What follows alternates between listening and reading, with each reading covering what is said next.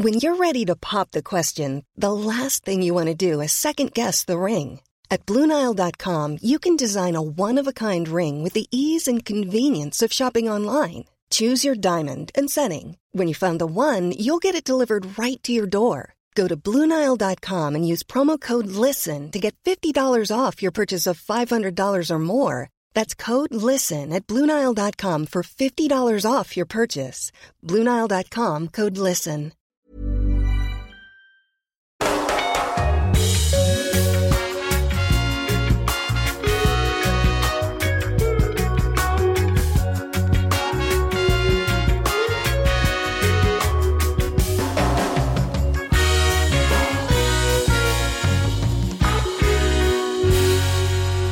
Varmt välkomna till ännu ett avsnitt av den damallsvenska podden eh, och idag kommer vi ha två gäster i det här programmet. Det finns så mycket att snacka om just nu kring damallsvenskan. Makoto, du sitter här och är lite spänd. Ja, jag bokar in en gäst och sen så kommer du bara, ah, men vi ska ha en till. Jag bara, Va? Oj, hemlig gäst? Två gäster, vad händer? Det, det här är inte säkert liksom, det här är något nytt. Men det, vi måste väl också förnya oss och liksom testa nya barriärer här så det ska bli otroligt spännande. Ja, nu när vi inte har Kristoffer Bergström här i studion heller så ska vi se till att få in lite fler röster i podden och vi ska börja med vår första gäst som ju är en spelare i den här serien och eh, vi har ju många gånger i podden undrat vad det är som händer i Växjö. Nu har vi äntligen med oss en gäst därifrån, Amanda Jonsson Har. Välkommen till eh, den damallsvenska podden.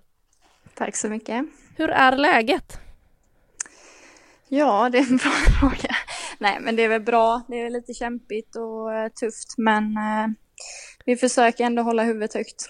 Hur gör man det i det här läget? För tittar man på tabellen så ser det ju väldigt, väldigt tufft ut. Hur liksom hanterar man det som person och som lag? Liksom, hur snackar ni?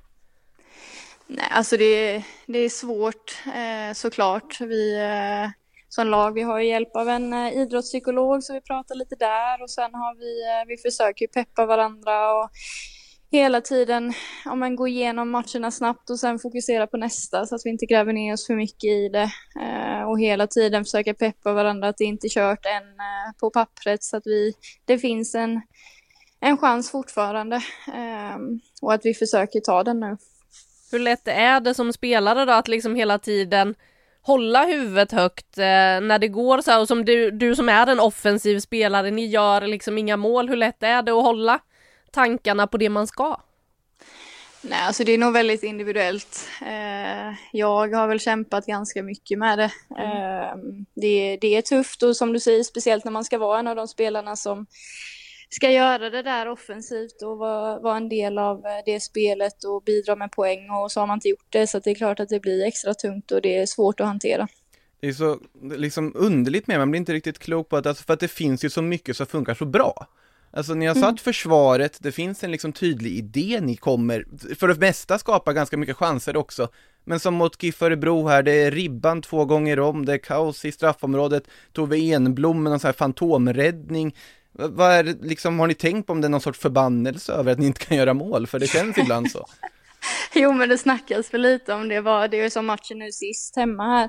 Vi har tre ribbträffar och jag har någon nick precis över och vi känner liksom vad, vad mer ska vi göra? Vad, vad är det som går emot oss? Um, så det, det är sådana grejer som gör att det blir extra tufft också när vi inte, vi får aldrig stolpe in och vi får all, aldrig med oss de där enkla målen liksom. Ehm, så ja, det kan man ju undra vad det är som, vem det är som vill oss något ont. Ja, man kan ju undra om det kanske är ett spöke liksom på den där arenan, för tittar man i superettan så ser det ju likadant ut för eh, Växjölaget där, Öster som också skapar hur mycket chanser som helst men inte gör mål. Eh, kanske behöver skicka in någon form av liksom Ghostbusters eller något och kolla igenom arenan och se vad det är som händer. Ja, sponsra nu med det så. Vi får komma ner och se över det där, men eh, för tittar man i tabellen liksom, ni har ju inte släppt in så otroligt mycket mål om man ser på vad ni ligger och så här. Eh, hur känns spelet och vad, vad känner ni i laget liksom att det, det funkar och hur det funkar?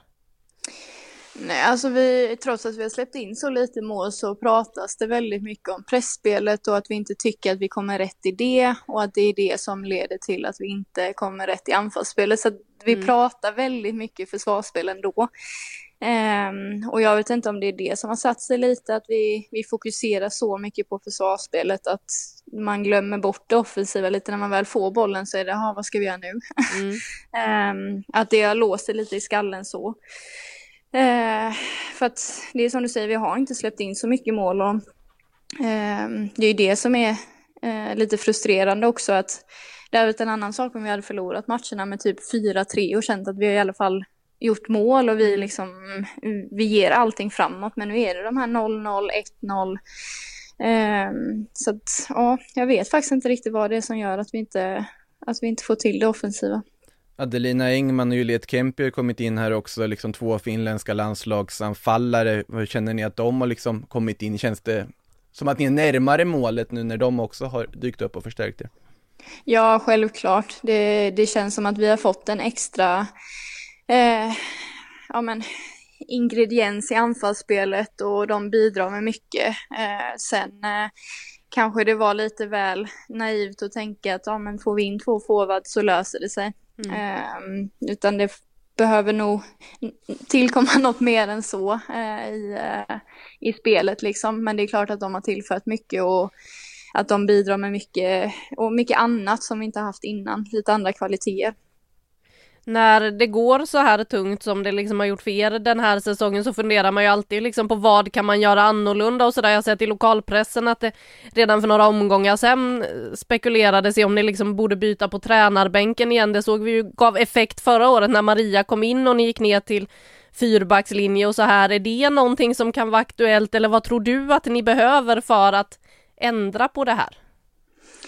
Alltså jag vet att det är jättesvårt att svara på. Eh, klubben har förtroende för, för både Maria och Stefan och, mm. och då har vi också det. Eh, så att eh, eh, de väljer, klubben väljer att satsa vidare på dem och då, då, då är det andra grejer man får förändra och eh, nu var jag petad sist eh, och det var en förändring man gör liksom för att försöka göra någonting liksom. Eh, så de försöker väl ändra på det de kan och, och försöker göra det bättre. Så, så det, det klubben har valt att, ge dem för, fortsatt förtroende och då gör ju vi i truppen också det. Hur mycket gör en sån skillnad för spelare annars egentligen? Man diskuterar ju alltid det där om det gör någon skillnad att byta röst i omklädningsrummet som det brukar handla om. Gör det skillnad eller vad, vad säger du?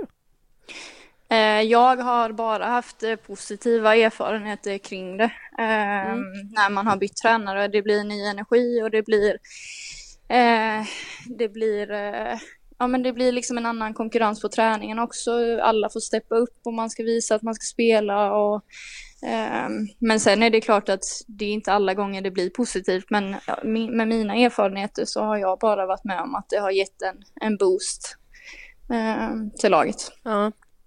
Nu är det ju sju omgångar kvar. Hur ser du på liksom hösten som väntar er med det här tabelläget och liksom pressen som blir på er?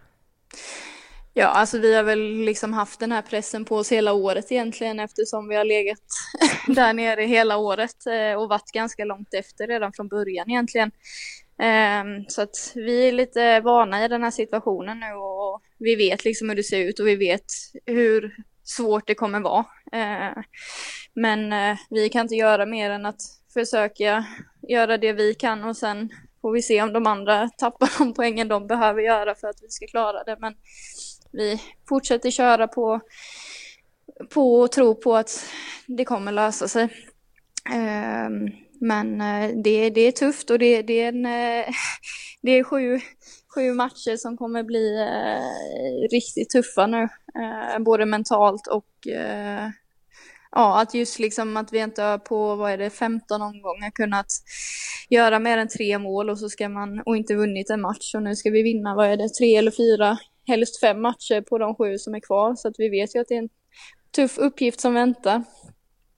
Ja, och eh, som du sa, ni ska sitta och hoppas också lite att de andra lagen där nere inte plockar poäng. Hur, hur bra koll har man på sånt som spelare? Eh, nej, alltså jag tror också det är väldigt individuellt. Förra året eh, satt jag, vi var ju lite i samma sits där inför hösten också, då satt man ju slaviskt och kollade på de andra och Eh, men jag lärde mig väl där att det är bara ångest. Så att jag försöker att inte, inte kolla så mycket och sen ser man ju resultaten efter liksom. Eh, men eh, vi försöker fokusera på det vi kan göra och så får vi bara hoppas att vi har lite tur på vår sida när det gäller de andra. Kommer du kolla AIK Piteå till helgen? Eller i ni kanske spelar samtidigt kommer jag på, så att det, det kanske är svårt att titta på. Men eh, liksom, hur kommer du följa den och vad hoppas du från den matchen? För det är väl de två lagen som är närmast ändå. Mm, det är lite jobbigt att de möter varandra för man vill ju helst att någon av dem ska plocka poäng. Eh, men eh, nej, det är svårt att säga. Eh, ett kryss är väl inte fel. Eh, men eh, ja, nej, jag kommer nog inte kolla på den i alla fall.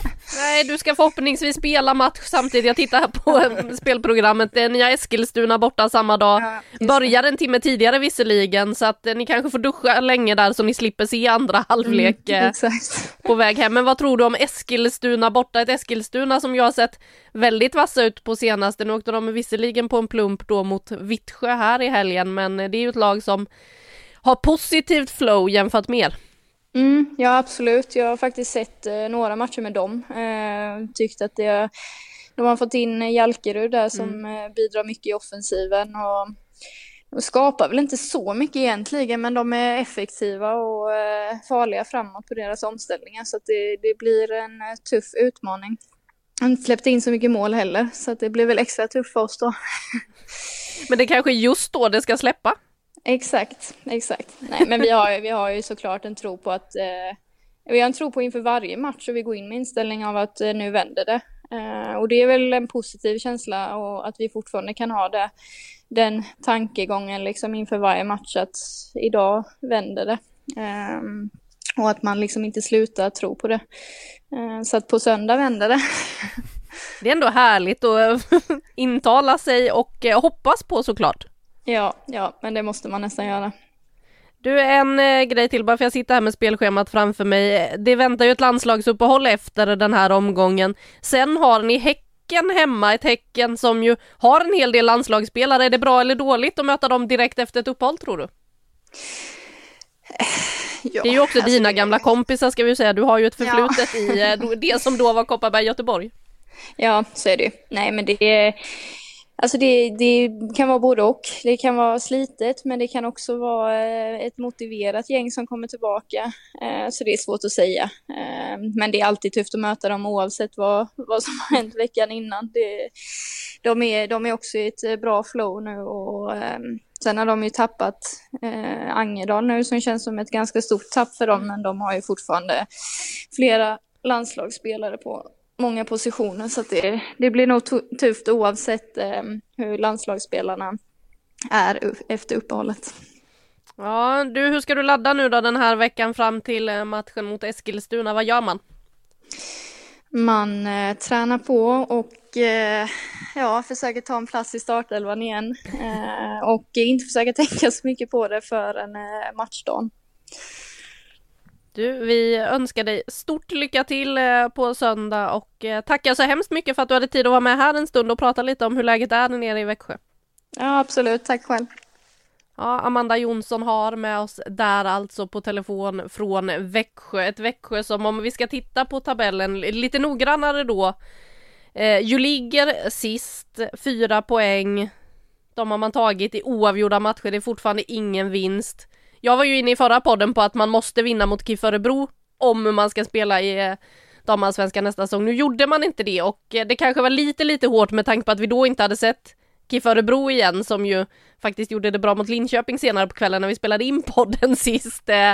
Men det ser ju tufft ut och jag tycker ändå det känns skönt att höra Amanda som erkänner att det faktiskt är väldigt tufft både mentalt och fysiskt att ligga i den här sitsen, att behöva kriga hela tiden men eh, att våga prata om det.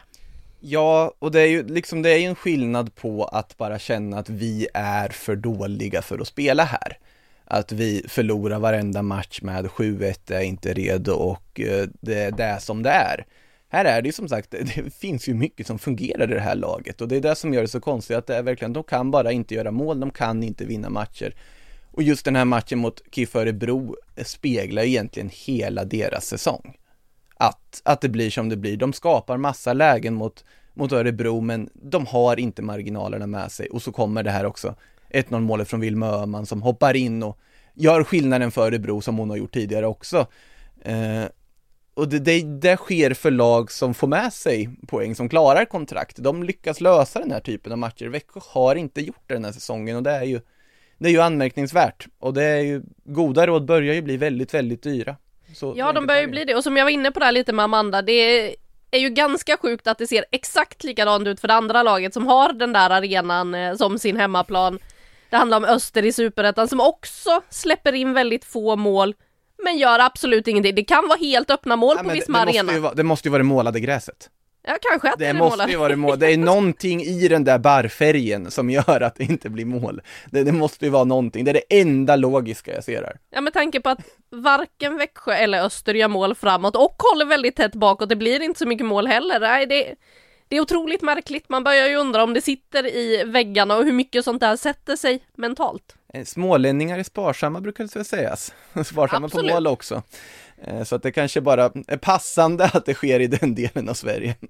Ja, kanske lite så. Vi ska om en liten stund ringa upp eh, vår nästa gäst. Jag väntar bara på klartecken eh, där, så vi kan väl under tiden prata lite om eh, Rosengård mot AIK, ett Rosengård som då till skillnad, Växjö som inte har vunnit än, Rosengård har fortfarande inte förlorat i den här serien.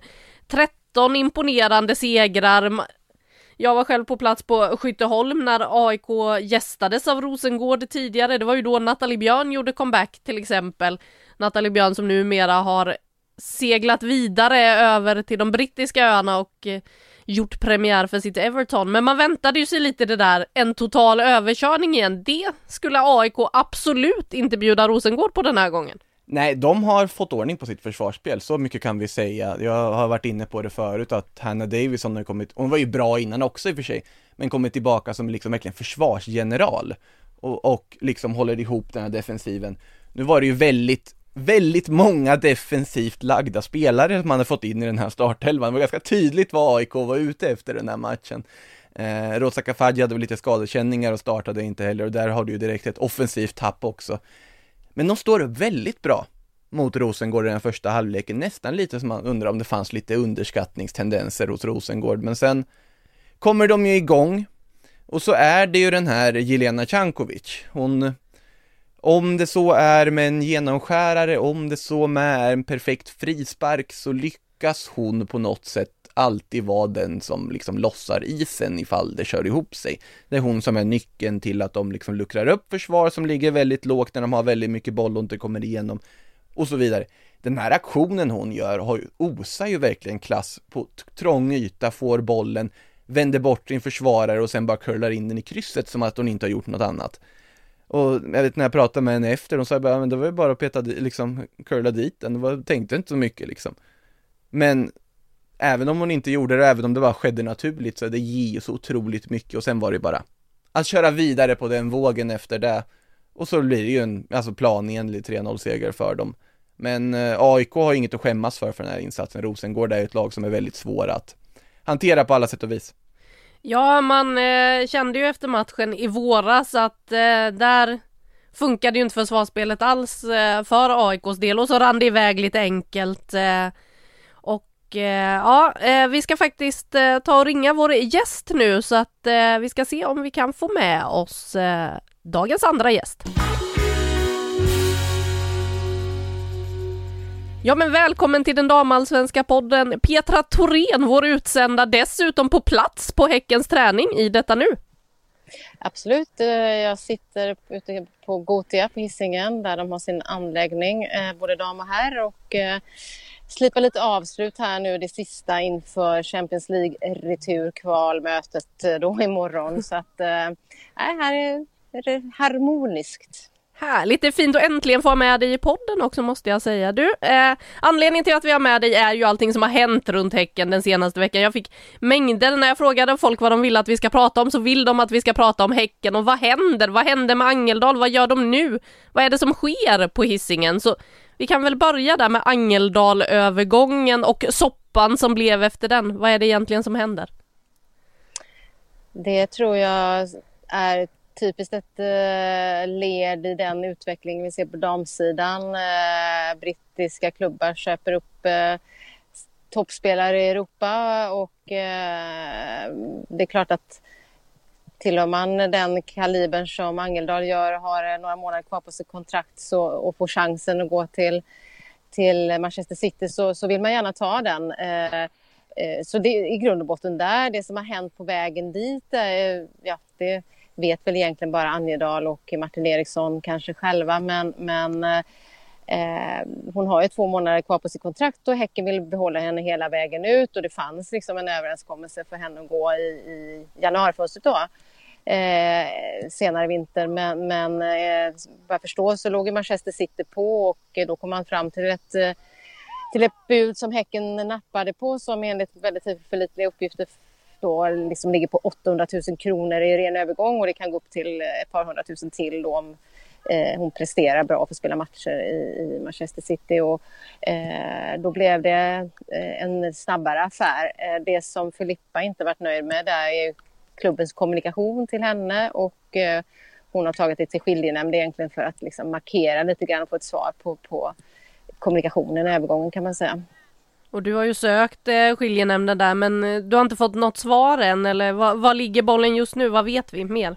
Den ska ligga hos skiljenämnden. Jag har sökt eh, personer från skiljenämnden, jag har inte fått något svar. Jag smsat och jag har ringt. Jag får ligga på där igen. Men, men enligt den informationen som, som jag har utifrån från de olika parterna i den här tvisten då, det är att Angedal har kommit in och hennes parter har kommit in med, med sin version och Häcken ska ha på sig fram till eh, i de här dagarna, den här veckan, eh, att komma in med sin version och sen så blir det väl ett beslut. Men det, det, är ju inte säkert att det kommuniceras. Det kommuniceras om klubben eller Filippa själv vill. Eh, eh, annars gör man inte det från skiljenämndens sida, går man inte ut med en kommunikation. Så det, det, kan vara så att vi aldrig får veta och det kan vara så att jag har svårt att se att det leder till någonting mer än att man kanske har ett snack eh, klubb och spelare emellan då.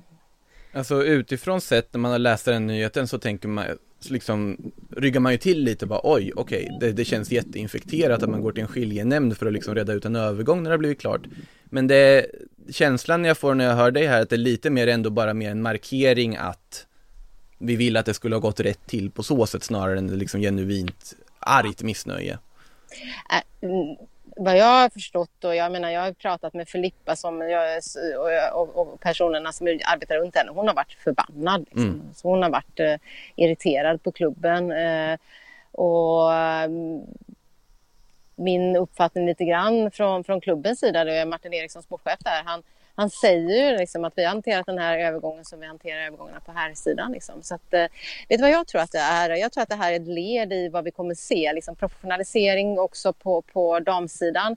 Lite tuffare när pengarna kommer in så kanske det blir lite hårdare klimat. På, eh, eh liksom, klubbarna vet att de kan de kan få en miljon kronor för en spelare med två månader på kontraktet, då börjar det plötsligt bli pengar. Liksom. Det, det har ju skett den här, det här året. Så att, eh, jag tror också att det kan vara en, en, liksom eh, ett led i den utvecklingen. Och sen exakt vilka ord eller vad som har sagts mellan klubb och spelare, det, det lär vi väl aldrig få veta i och för sig. Då. Så att det kan ju också, jag menar det är en tvist mellan två parter och, och eh, nu när hon ändå fick gå. Hade hon inte fått gå så kanske det varit större irritation om man säger så. Då. Ja, det jag reagerar på här med är ju det du är inne på med utvecklingen och hur det blir framöver. För vi har ju pratat tidigare om de här 11 månaders kontrakten som ofta skrivs i damallsvenskan.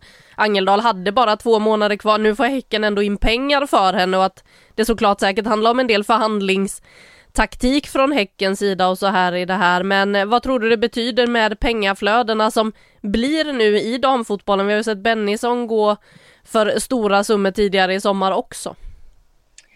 Eh, ja, men det innebär ju att klubbarna måste bli, och det vet vi att de stora klubbarna är, men alla klubbarna måste bli skickliga på att skriva kontrakt och skriva längre kontrakt.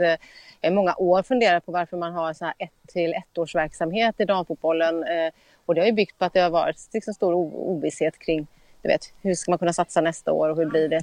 Och eh, det tror jag vi kommer se en skillnad på. Klubbarna kommer att skriva längre kontrakt med sina spelare. Spelarna måste också vänja sig vid att att gå in i längre kontrakt för att eh, eh, många av dem kanske är vana vid kortkontrakt och är lite oroliga för vad händer om jag är under kontrakt. Kan jag, kan jag gå då eller kan jag inte gå? Så att där, där får det ske en skillnad och det sa ju Stefan Alvén som är sportchef i EFD, då intresseorganisationen, att, att de uppmanar ju liksom klubbarna nu till att bli alltså ta betalt för era spelare. För det är så sätt som den svenska fotbollen kan få ta del av den internationella kakan. Så när tv-pengarna höjs i England, nog ska de trilla ner lite i Sverige också.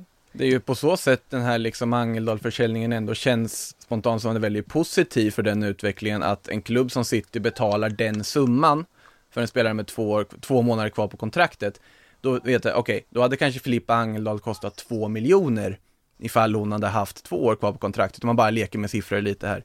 Och då är direkt liksom är vi uppe på helt andra siffror än vad det rört sig om tidigare, så att det, man förstår ju varför Rosengård förlängde med Jelena Cankovic till exempel, och gör det med ett fyraårskontrakt. Det är ju den typen av förlängningar klubbar måste göra, utan Precis. tvekan här framöver. Mm, ja, nej men så är det och det är ju den, det är den utveckling vi ser. Och jag menar, eh, Therese Sjögran och, och är långt fram i det här. Hon vet ju det här och det är Häcken också. Så att, eh, eh, det som jag tror är lite lurigt just i Häcken det är att flera av de här som har kontrakt som går ut, eh, Blackstenius har väl det och, och Emma Kullberg, det är några stycken.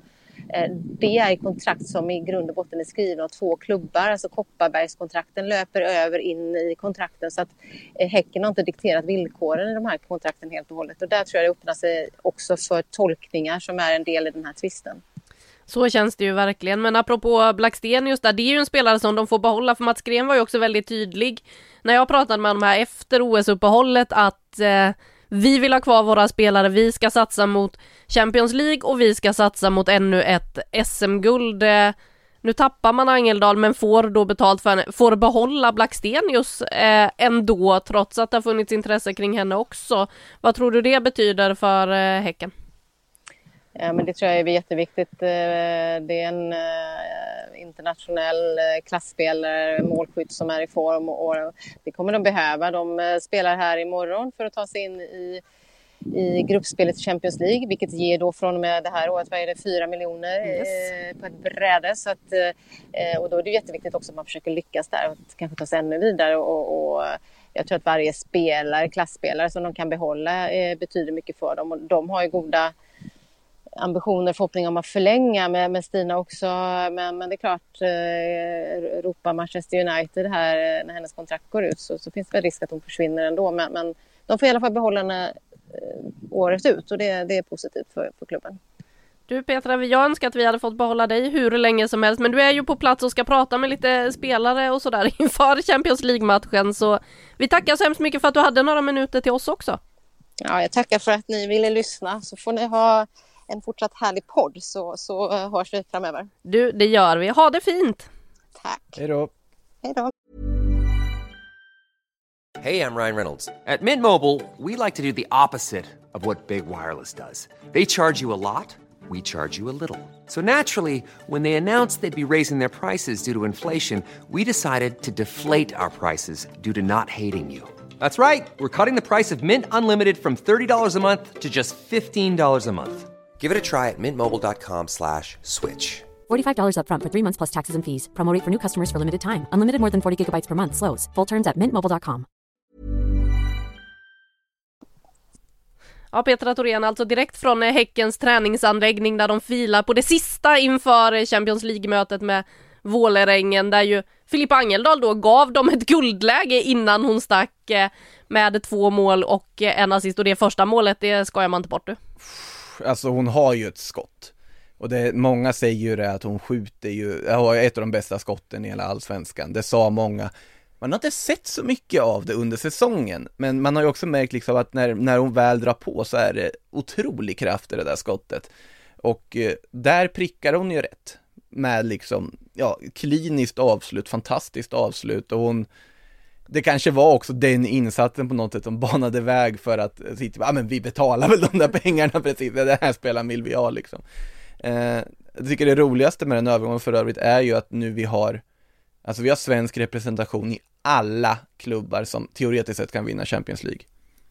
För att, ja det, ja, det finns inte en enda toppklubb idag, om man tar de som alltså är toppen i Europa, som inte har en svenska, eller någon form av svensk representation. Ja, det Arsenal har ju svensk tränare men ingen på planen just nu. Men i övrigt, alla lag då, i och med att Emma Holmgren har gått till Lyon och att Filippa Angeldal har gått till Manchester City. Det är ofantligt häftigt tycker jag. Ja, och att det är de här stora klubbadresserna som får folk eh, som faktiskt kanske inte är så intresserade av damfotbollen i sig att höja på ögonen när de ser klubbadresserna för att klubbarna är så stora i fotbollsvärlden. Eh, Eh, det känns ju faktiskt eh, väldigt spännande. Skulle då dessutom som det ryktas om, som Petra var inne på här med, med Stina Blackstenius, den svenska i Manchester United på damsidan också. Eh, det hade ju inte känts jättetråkigt. Nej, det hade det ju inte. Sen, sen så finns det ju liksom United som på damsidan, de är ju inte riktigt vart Arsenal, Chelsea, Manchester City är. Men samtidigt, för dem så hade ju då, liksom Blackstenius hade ju varit en marquee signing. Det, det hade, hade varit det en spelare som verkligen hade förändrat spelplanen för dem, som hade gått in med en stjärnstatus, gått in med liksom förväntningar och ska vara den ledande spelaren i offensiven. Och man har liksom kollat, kollat runt lite på Twitter där vad United-fansen i England säger, de är liksom värva Blackstenius, värva Blackstenius, har det varit mycket snack om liksom där. Så att eh, såklart det hade varit en jättehäftig övergång också på det, liksom kopplingen Manchester United ändå har till liksom svenska fotbollsbefolkningen. Det finns ju ofantligt mycket United-supportrar i Sverige. Det är väl Liverpool vi ska ha in en också i då? För ja. att liksom Få ta upp alla de där storklubbarna som har en eh, stor fanbase i Sverige och ja. just det är ju häftigt för att eh, ju bättre damfotbollen blir och bevakningen kring den, tv-sändningarna kring den, man såg ju nu när det nya tv-avtalet i England, när man brassar på där, ja då så ser det ju mycket roligare ut också för hela inramningen, det är klart att det gör saker för serien. Ja, verkligen, och de har kommit en väldigt bra bit i England, bara här med liksom när det går på Sky Sports och du, du ser det där, det, det är något annat och man tar det på allvar och jag tror att den här utvecklingen kommer ju bara fortsätta. Så att det är en väldigt häftig resa vi är alla inne på här och liksom bevittna tycker jag. Ja, och om vi hänger kvar då lite i Häcken, Blackstenius och Angeldal, för det här är ju det som har varit snackisen lite senaste veckan, eh, dels deras eläventyr och sen då att Angeldal lämnar, Blackstenius ser ut att bli kvar. England till exempel har ju transferfönstret stängt i det är väl Italien som skulle kunna in och stöka, men de har ju redan så mycket offensiva krafter i Juventus hon, hon och det skulle ju vara... bra för italienska ligan. Ja, och hon det skulle ju vara att hon ska in i Juventus i så fall och CL-satsning, men nej. Nej, nej, nej, nej, alltså det, på något sätt känns det som att det är England eller Spanien, möjligtvis Tyskland, ja. om Bayern eller Wolfsburg hör av sig. Knappt att Wolfsburg hör av sig, det är liksom, det är den nivån tycker jag av klubbar vi ska prata om när det kommer till sina Blackstenius. Sen finns ju Frankrike, men hon har redan varit i Frankrike en sväng liksom, det tror inte jag lockar på samma sätt väl känslan, för det fönstret är väl fortfarande öppet. Det är lite rörigt med de här fönstren på damsidan och det är otroligt svårt att hitta info om det också tycker jag. Men eh, det har ju varit lite andra öppettider och engelska har ju stängts. Det är därför vi konstaterar att Blackstenius då sannolikt blir kvar resten av säsongen. Ja, det stängde ju där den 2 september, Precis. den dagen man tillkännagav eh, Angeldal övergången, alltså lite senare än herrfönster. Jag scrollar, scrollar här i listan så ska vi se. Registration period. Du sitter på den här Fifa-listan möjligtvis kanske? Jajamän! Har hittat. Och där är Frankrike? 20 september. Så där finns det fortfarande några dagar kvar att värva. Ja, sen vet på jag... På Female, ja. det är oerhört förvirrande allt det här när man ska titta i den här långa listan och eh, läsa rätt datum på rätt linje och sådär. Men eh, 20 september så stänger det i Frankrike och Italien räknas ju som en amatörliga så de kan värva lite hejvilt hur de vill. Ja, men jag känner också så här, Italien, såklart det är jättehäftigt för många av de här spelarna som tänker Karin Lundin, Elin Landström och så vidare som har gått till Italien här nu. Men det är också, där är det ju äventyret snarare än den liksom sportliga kvaliteten. Såklart, spela för Inter, spela för Fiorentina, spela för liksom Milan, Roma. Det, såklart det lockar som lag, som statusgrej också, som äventyr men fotbollskvalitetsmässigt så är fortfarande damallsvenskan före och den kommer nog vara ett tag. Känner jag. Alltså jag, såklart Italien går också utvecklingen framåt men de är inte i närheten av vart England, Tyskland, Frankrike, även Spanien idag är än. Nej, så är det ju och eh, om man då ser till vad som har hänt för Häckens del med att man tappar Angeldal, ja det är en eh, klassspelare man tappar. Hon har dimensioner som ingen annan har i laget, men det är en position där det finns tänkbara ersättare i truppen. Du kan flytta in Julia Karlenäs där som Mats Gren värvade som mittback. För nu är Beata Kolmats på väg tillbaka. Sen är det väl frågan hur lång tid det tar innan Kolmats är redo för en start i damallsvenskan. Hon skulle väl spela med F19 eller vad det var här ikväll tror jag det var till och med. Till och med igår va? Var det till och med igår? Ja men titta. Eh, så hon är ju på väg tillbaka, något som man från Häckens sida trodde skulle gå lite snabbare men med tanke på att det inte gjorde det så värvade man in Julia Karlenäs för att ha ett alternativ till på mittbacksplatsen. Hon skulle kunna spela i den rollen. I matchen mot Piteå valde man att flytta ner Sigiotti Olme. Där har du ett sparkapital också, som ändå Absolut. haft mycket skadeproblem här. Det är ju en landslagsmittfältare vi pratar om, det, det finns verkligen. Alltså såklart ett jättetapp att tappa en otroligt skicklig, mångsidig spelare som Filippa Angeldal som gör så mycket för spelet. Men med tanke på hur den truppen ser ut just nu, vi ska ju inte glömma bort att de har Milika Mijatovic som också är ett sparkapital sett till när hon väl börjar komma igång. Man ser ändå tendenser tycker jag i att det finns väldigt mycket fotboll i de fötterna. Och sen då Sigiotti Olme tillbaka, Kurmark är kvar. De har det ganska gott ställt fortfarande truppmässigt och jag tror att om vi tar, bara isolerar alltihopa till den här kvalmatchen mot Vålerengen som väntar, så de har ett jättebra utgångsläge och jag ser dem som ganska stora favoriter att gå vidare till gruppspelet. Och det är ju tack vare att man vann serien. För det är väldigt tydligt i det här kvalet att om du vinner serien får du ett lättare motstånd. Rosengård hamnar ju i liksom mardrömsdelen av det här kvalet och får ändå ett av de lättaste motstånden på pappret där, får ändå liksom, och det är ändå en ganska stor klasskillnad. Nu var Rosengård inte bra mot Hoffenheim, ska sägas, men samtidigt, det är tredje laget i tyska ligan som är en av världens bästa. Såklart det är en skillnad där. Men Häcken har drömläge att ta sig till gruppspelet i alla fall. Även om de inte har Angeldal kvar i truppen. Ja då, de och ytterligare en, en ersättare de skulle kunna lyfta upp på det där mittfältet och som nog gärna skulle in där igen. Eh, Det har de ju på högerbacken, även om hon har gjort det fint på högerbacken, men tittar man på VM 2019, vem spelade då på det landslagsmittfältet med Caroline Seger, Kosovare Asllani? Ja, där hade vi Elin Rubensson. Ja, och där har du ju Hanna Wik som du kan ge speltid som är jättelovande duktig högerback, så det är väl ett jättebra drag att göra också, om att Gren lyssnar på podden här, att ge Wik mer speltid och sätta Rubensson på hennes mittfältsposition igen.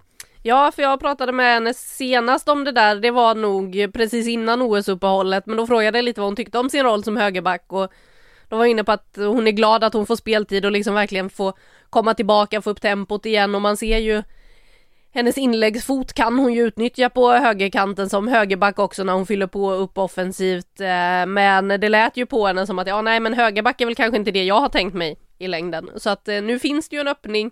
Man skulle kunna flytta upp henne där. Därför så skulle jag säga att det hade varit ett betydligt större tapp för Häcken att bli av med Stina Blackstenius i det här fönstret Ja, och behålla Filippa Angeldal för Stina Blackstenius, en matchvinnare, hon gör mål, hon gör assist, hon springer, hon sliter och de har dessutom tappat Pauline Hammarlund under säsongen eh, på grund av en korsbandsskada. Tappat är väl fel att säga, hon är ju fortfarande med i truppen men säsongen över på grund av korsbandsskada. Så Blackstenius drar ju ett otroligt last där och eh, är en spjutspets som eh, Petra var inne på, hon har ju visat vilken form hon är inne i och vilken kvalitet hon håller. Hon gör ju mål på i princip allt och hon gör inte bara mål, hon spelar fram också. Ja, hon har ju faktiskt inte gjort några mål väl efter uppehållet om jag inte helt minns fel, men hon har ju öst in assist istället. Det är ju någon, en del eh, liksom aspekt i spelet som hon har adderat som man kanske inte riktigt såg hos Stina Blackstenius tidigare, det här att Alltså lite, om man ska göra någon sorts eh, jämförelse åt eh, herrstjärna Harry Kane-stuk på det. Att bli lite mer liksom, spe, alltså rivig spelfördelare också, att du har ju den här, om du har den här spelintelligensen och kvaliteten så kan du också hitta. Nu var inte den här assisten till Mille Gail Jensen här mot Piteå var väl inte den vackraste hon har gjort som hon sa själv. Men det är en assist, det är också hennes tionde den här säsongen. Hon är uppe på tvåsiffrigt antal mål, tvåsiffrigt antal assist. Och det är ju fantastiskt facit. Hon leder båda de ligorna och leder ju poängligan överlägset. Eh, Så att jag håller ju fullkomligt med om att det hade ju varit ett mycket, mycket värre tapp. Med all respekt till Filippa Angeldals kvaliteter så hade det varit ett mycket större tapp för Häcken att bli av med Blackstenius sett till hur truppläget ser ut, utan tvekan. Ja, så är det ju och eh, Häcken då som eh, Mats Gren och eh, spelarna också har varit tydliga med, de eh, är ju på två jakter nu, vi får väl se hur det går. Man har ett fint läge inför Champions League-returen som alltså spelas mot Vålerengen på hemmaplan imorgon efter eh, uppvisningen, även om man kanske lite oturligt släppte in ett mål i den där matchen som man kanske inte borde ha gjort men eh, ja, ett bra läge för Häcken medan Rosengård då som du var inne på hade väldigt tufft mot eh, Hoffenheim efter insatsen på hemmaplan. Nu är det dessutom bortamatch som väntar och sen så är det då guldjakten, man är sex poäng efter. Rosengård har absolut inte gett upp eh, den kampen utan vet att det kan hända grejer, vi vet att vi har kvar det där mötet, det är mellan Häcken och Rosengård. Eh, ni som vill veta, 2 oktober, skriv upp det genast, se till att ni är redo. nu skriv upp Ja, att eh, kolla på den matchen den 2 oktober eh, som ju då sänds exklusivt på Sportbladet Play, det vet ni säkert redan ni som eh, lyssnar på den här podden att vi sänder alla matcher och eh, Häcken-Rosengård, ja den kommer ni att kunna se där. Eh, apropå det så har vi avverkat liksom guldstriden. Jag tänker att vi ska gå vidare till den där striden precis under, för där har det ju hänt grejer i Verkligen. den här omgången. Man trodde att inget kunde stoppa Eskilstuna och så åkte de till Vittsjö. Ja men det är det, liksom eh, Ja, ni lyckas vinna sex raka matcher och hålla sex raka nollor, but would you do it on a cold afternoon in Vittsjö? Det, nu var det väl inte så kallt där i och för sig, det var ganska mysigt men Det är alltid mysigt i Vittsjö. Exakt, men det är ju Tycker alla utom motståndarna Ja, i princip. exakt, för det är en fruktansvärd plats att åka till som bortalag. alltså det är en fruktansvärd plats att åka till som bortalag för att du vet precis Alltså vi tvivlade ju lite när Rosengård åkte dit och förvånansvärt enkelt tog med sig tre poäng senast där. Men nu var ju liksom ordningen på något sätt återställd. Sandra Adolfsson liksom köttar in 1-0 efter den mest stökiga Mittbackekapten, det är så det ska vara. Ja, och liksom en av de mest stökiga straffområdessituationerna man sett på år och dagar, liksom bollen vill inte ut ur det där straffområdet och den går som en flipperkul och så är Sandra Adolfsson där och föser in bollen förbi målvakten och jublar, på så klassisk liksom, verkligen så här lagkaptens mittbacksjubel, lite, lite förvånad att hon har gjort mål eh, till synes, men ändå euforiskt. Och välförtjänt var det ju också, de lyckas ju stänga ner nu, Nia Jalkerud är ju fortfarande bra liksom, hon är ju igång och hotar det där försvaret, men det, det är något annat att möta Vittsjö och sen tycker jag man måste lyfta, lyfta Sabrina DiAngelo som pratas allt för lite om, den målvakten. Otroligt skicklig målvakt som eh, räddat många poäng för Vittsjö den här säsongen också. De är med, lite som smyger bakom den här eh, Champions League-striden. Det är inte jättemånga poäng upp ändå till eh, tredje Nej, de är ju det. Det är det som är så himla märkligt. Och apropå Sabrina D'Angelo, det är ju en spelare som faktiskt hade hoppats att eh, ta en plats i OS-truppen, men gjorde det inte i den där kanadensiska OS-truppen och vi vet ju vad det hade Vi ska nog inte påminna henne om det bara. Tänk att du var så nära att vara med i OS-truppen. Men eh, de är ju nu då på 20 poäng. Eh, en poäng bakom Linköping och Kristianstad som eh, ligger femma och sexa. Och då fem poäng bara ändå bakom eh, Eskilstuna. Med tanke på att det svänger en del här så kan det ju fortfarande hända grejer i striden om tredjeplatsen. Den eh, som ju ger en efterlängtad biljett ut till Europa Champions League-spel. Där var det ju faktiskt Hammarby som hängde på Eskilstuna i helgen. Trots att man låg under mot Kristianstad med 1-0 så lyckas man vända och eh, vinna. Emilia Larsson och eh, Emma Jansson såg till att eh, de fick ta med tre poäng hem i bussen. Alltså till att börja med, vilken bra fotbollsmatch det var. Alltså otroligt intensiv, liksom lite grinig också, hård. Jag tyckte det var en otroligt sevärd fotbollsmatch. Eh, två, två lag som dessutom bjöd på bra fotboll och offensiva kvaliteter. Men för Hammarby, de är ju de stora vinnarna i den här omgången. På att man ändå lyckas vända och vinna det här, på att det har ändå sett ut som det gjort. I efter uppehållet, Eskilstuna-insatsen ville de ju bara glömma bort. Häcken föll man ihop totalt mot.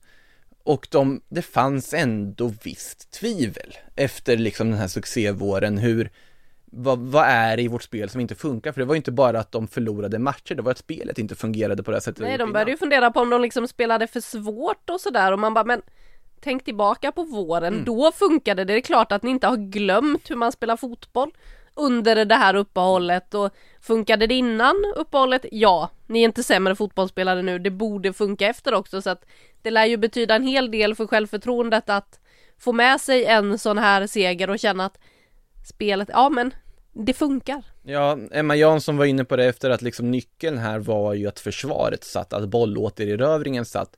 Och då är det ju Hanna Folkesson som kommer in bland annat på det här mittfältet tillbaka och hon är ju jätteviktig för det här laget, så är det. Hon gör mycket jobb i det tysta, men det är en jätteviktig spelare. Eh, att de lyckas sätta den här bollåtererövringen på ett annat sätt. Det innebär att de skapar chanser på ett annat sätt. Emma Jansson får agera i nummer 10-rollen istället för den här alltså vikarierande defensiva mittfältsrollen bredvid Ellen Gibson som hon får ta. Det är ju också en aspekt liksom i det, att de har faktiskt spelat med helt oordinarie liksom defensivt mittfält i det här dubbel mittfältet, deras 4-2-3-1. Eh, som har också en aspekt i att det inte fungerar på samma sätt som, som det gjorde tidigare.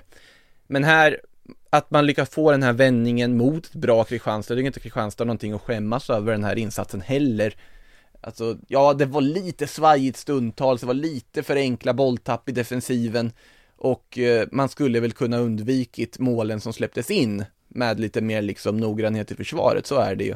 Men samtidigt ska inte ta någonting ifrån Madeleine Janogys perfekta inspel till Emilia Larsson där, ska inte ta ifrån Emma Janssons otroligt kliniska avslut i 2-1. Så att, eh, ja, för Hammarbys del när Eskilstuna åkte till Vittsjö och gjorde det som, som händer så allt som ofta när man åker till Vittsjö, så ja. Det är bara en poäng upp nu, nu är det ju CL-platsen är ju fortsatt, den kampen är ju fortsatt levande verkligen för Hammarby. Jag tror att de verkligen behövde just trepoängaren här för att liksom få tro på laget för att kunna komma in med ganska bra energi till den här matchen mot Rosengård som väntar nu. Jag tror inte nödvändigtvis att det är någon promenadseger för Rosengård på förhand.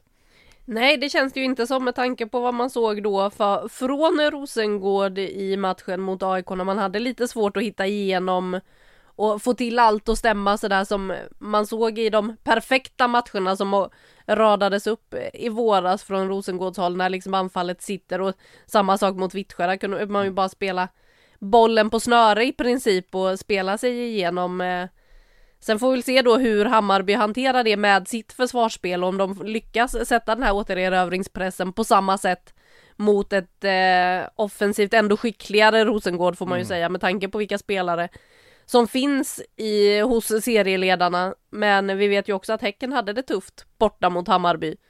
Eh, det blev eh, en knapp seger i premiären där. Den var knapp. Det var den och eh, Hammarby är ju faktiskt, om jag minns rätt, ett av få lag som har gjort mål på det här Rosengård. De har ju bara släppt in två. Jag de har fortfarande att... bara släppt in två mål, ja det... Det är sjukt.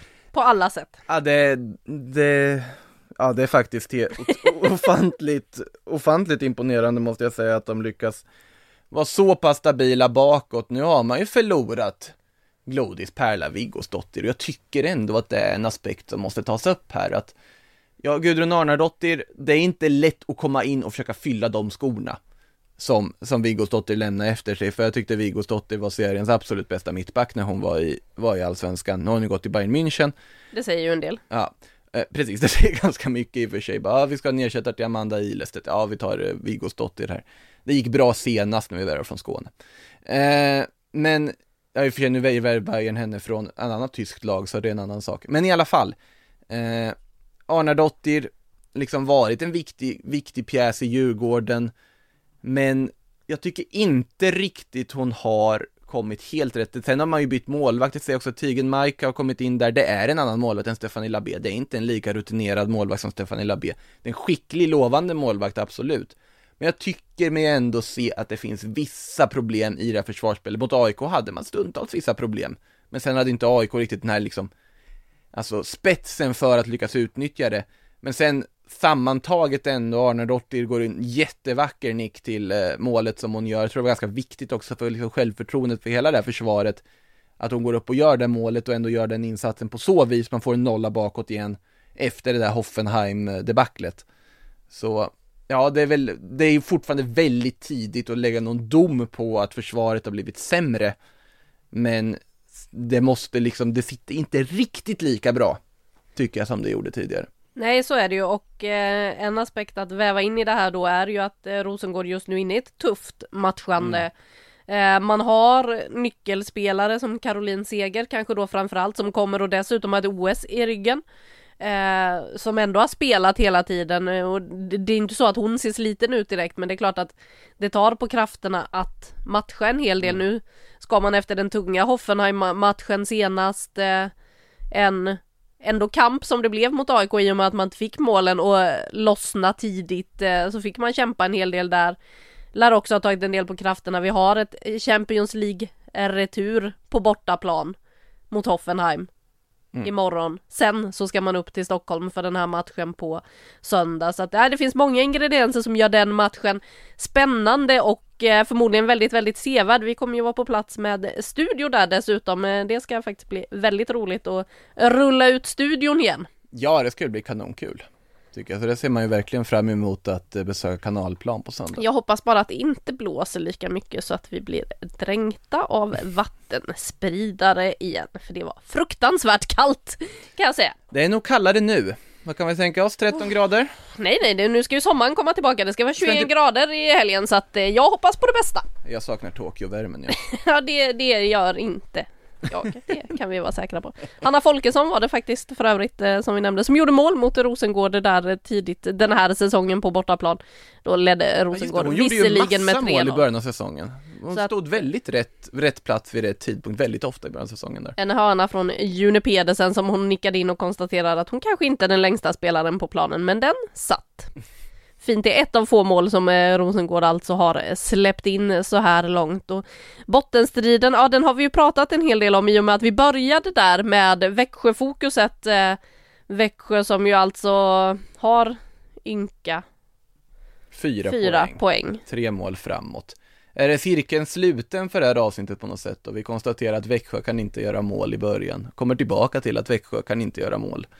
Eh, Det känns som att vi har pratat om det så otroligt mycket och jag tyckte det var lite intressant att man har så stort förtroende för tränarduon i Växjö där att man vill satsa på Maria Nilsson och Stefan Karlsson. Maria kom ju in och gjorde ett väldigt positivt eh, avtryck i fjol och räddade kvar klubben då när det var på väg att gå åt helvete.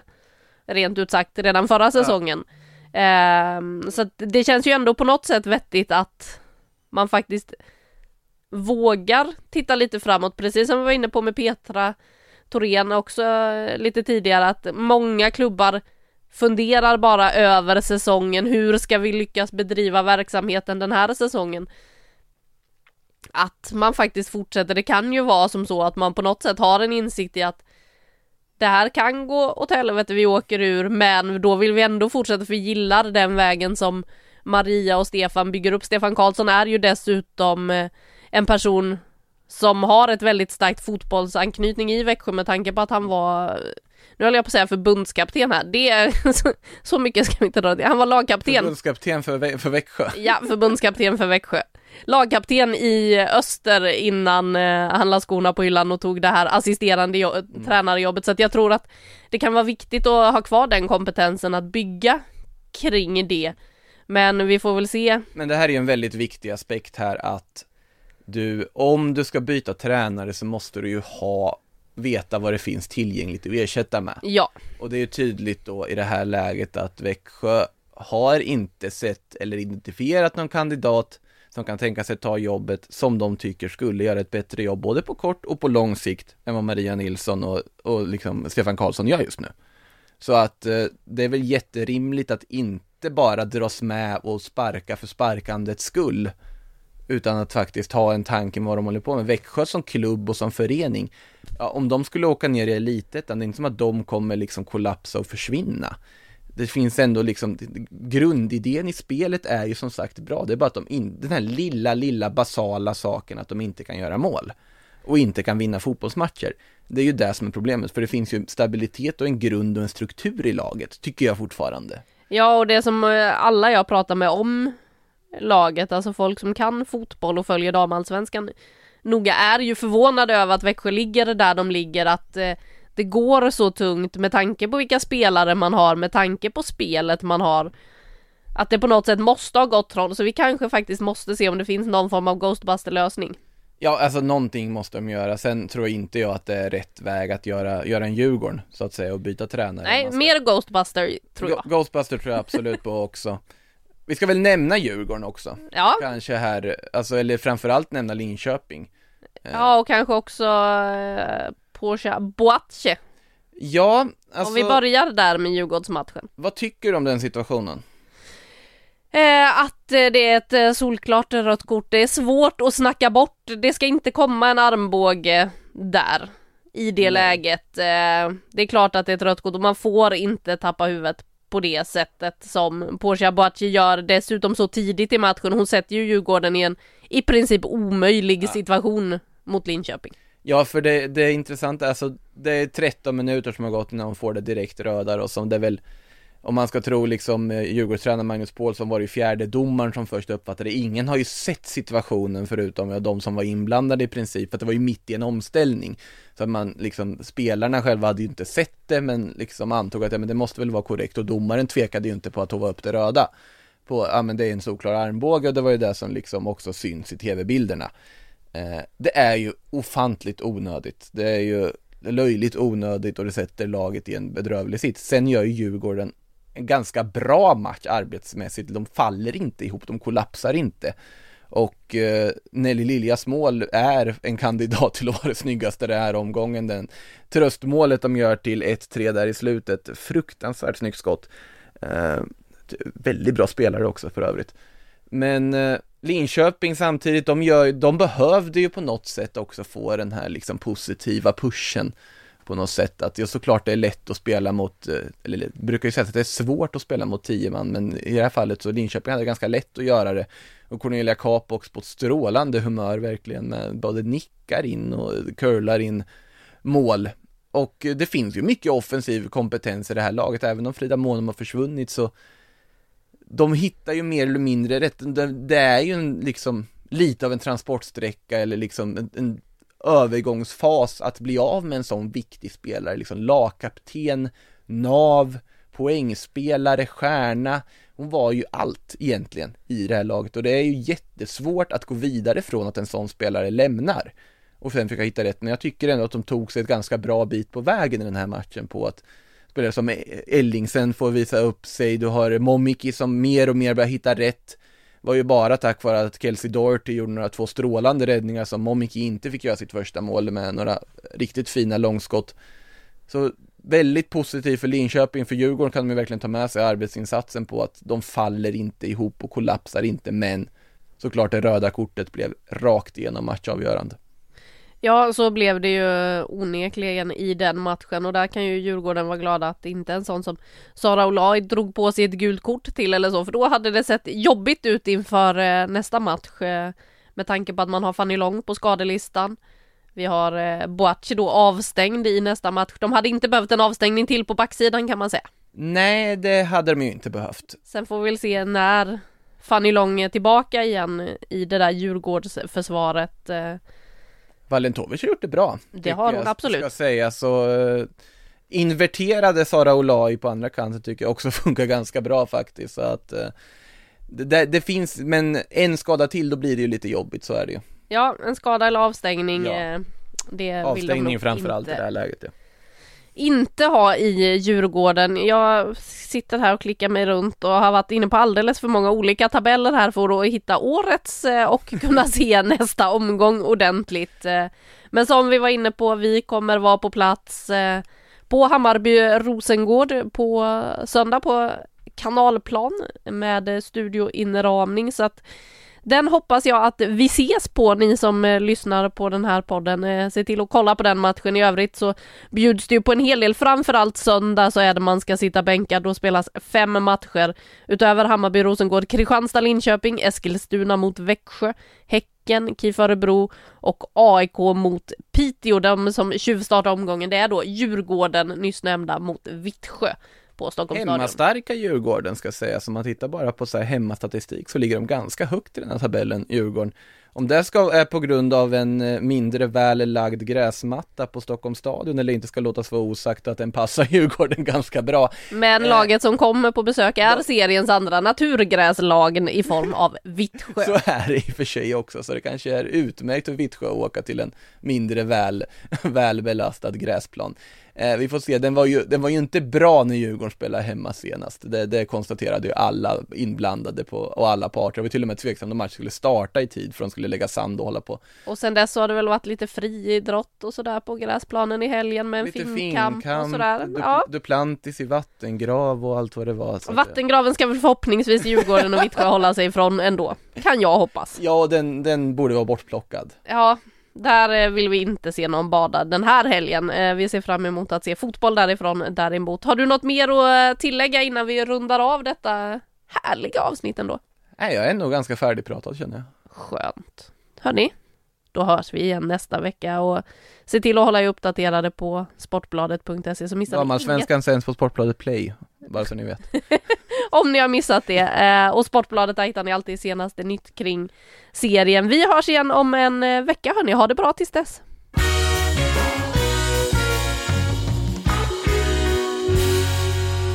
Du har lyssnat på en podcast från Aftonbladet. Ansvarig utgivare är Lena K Samuelsson. Selling a little or a lot? Shopify helps you do your thing however you cha-ching. Shopify is the global commerce platform that helps you sell at every stage of your business. From the launch your online shop stage to the first real life store stage, all the way to the did we just hit a million orders stage. Shopify is there to help you grow. Shopify helps you turn browsers into buyers with the internet's best converting checkout. 36% better on average compared to other leading commerce platforms because businesses that grow grow with Shopify. Get a $1 per month trial period at Shopify.com slash work. shopify.com/work.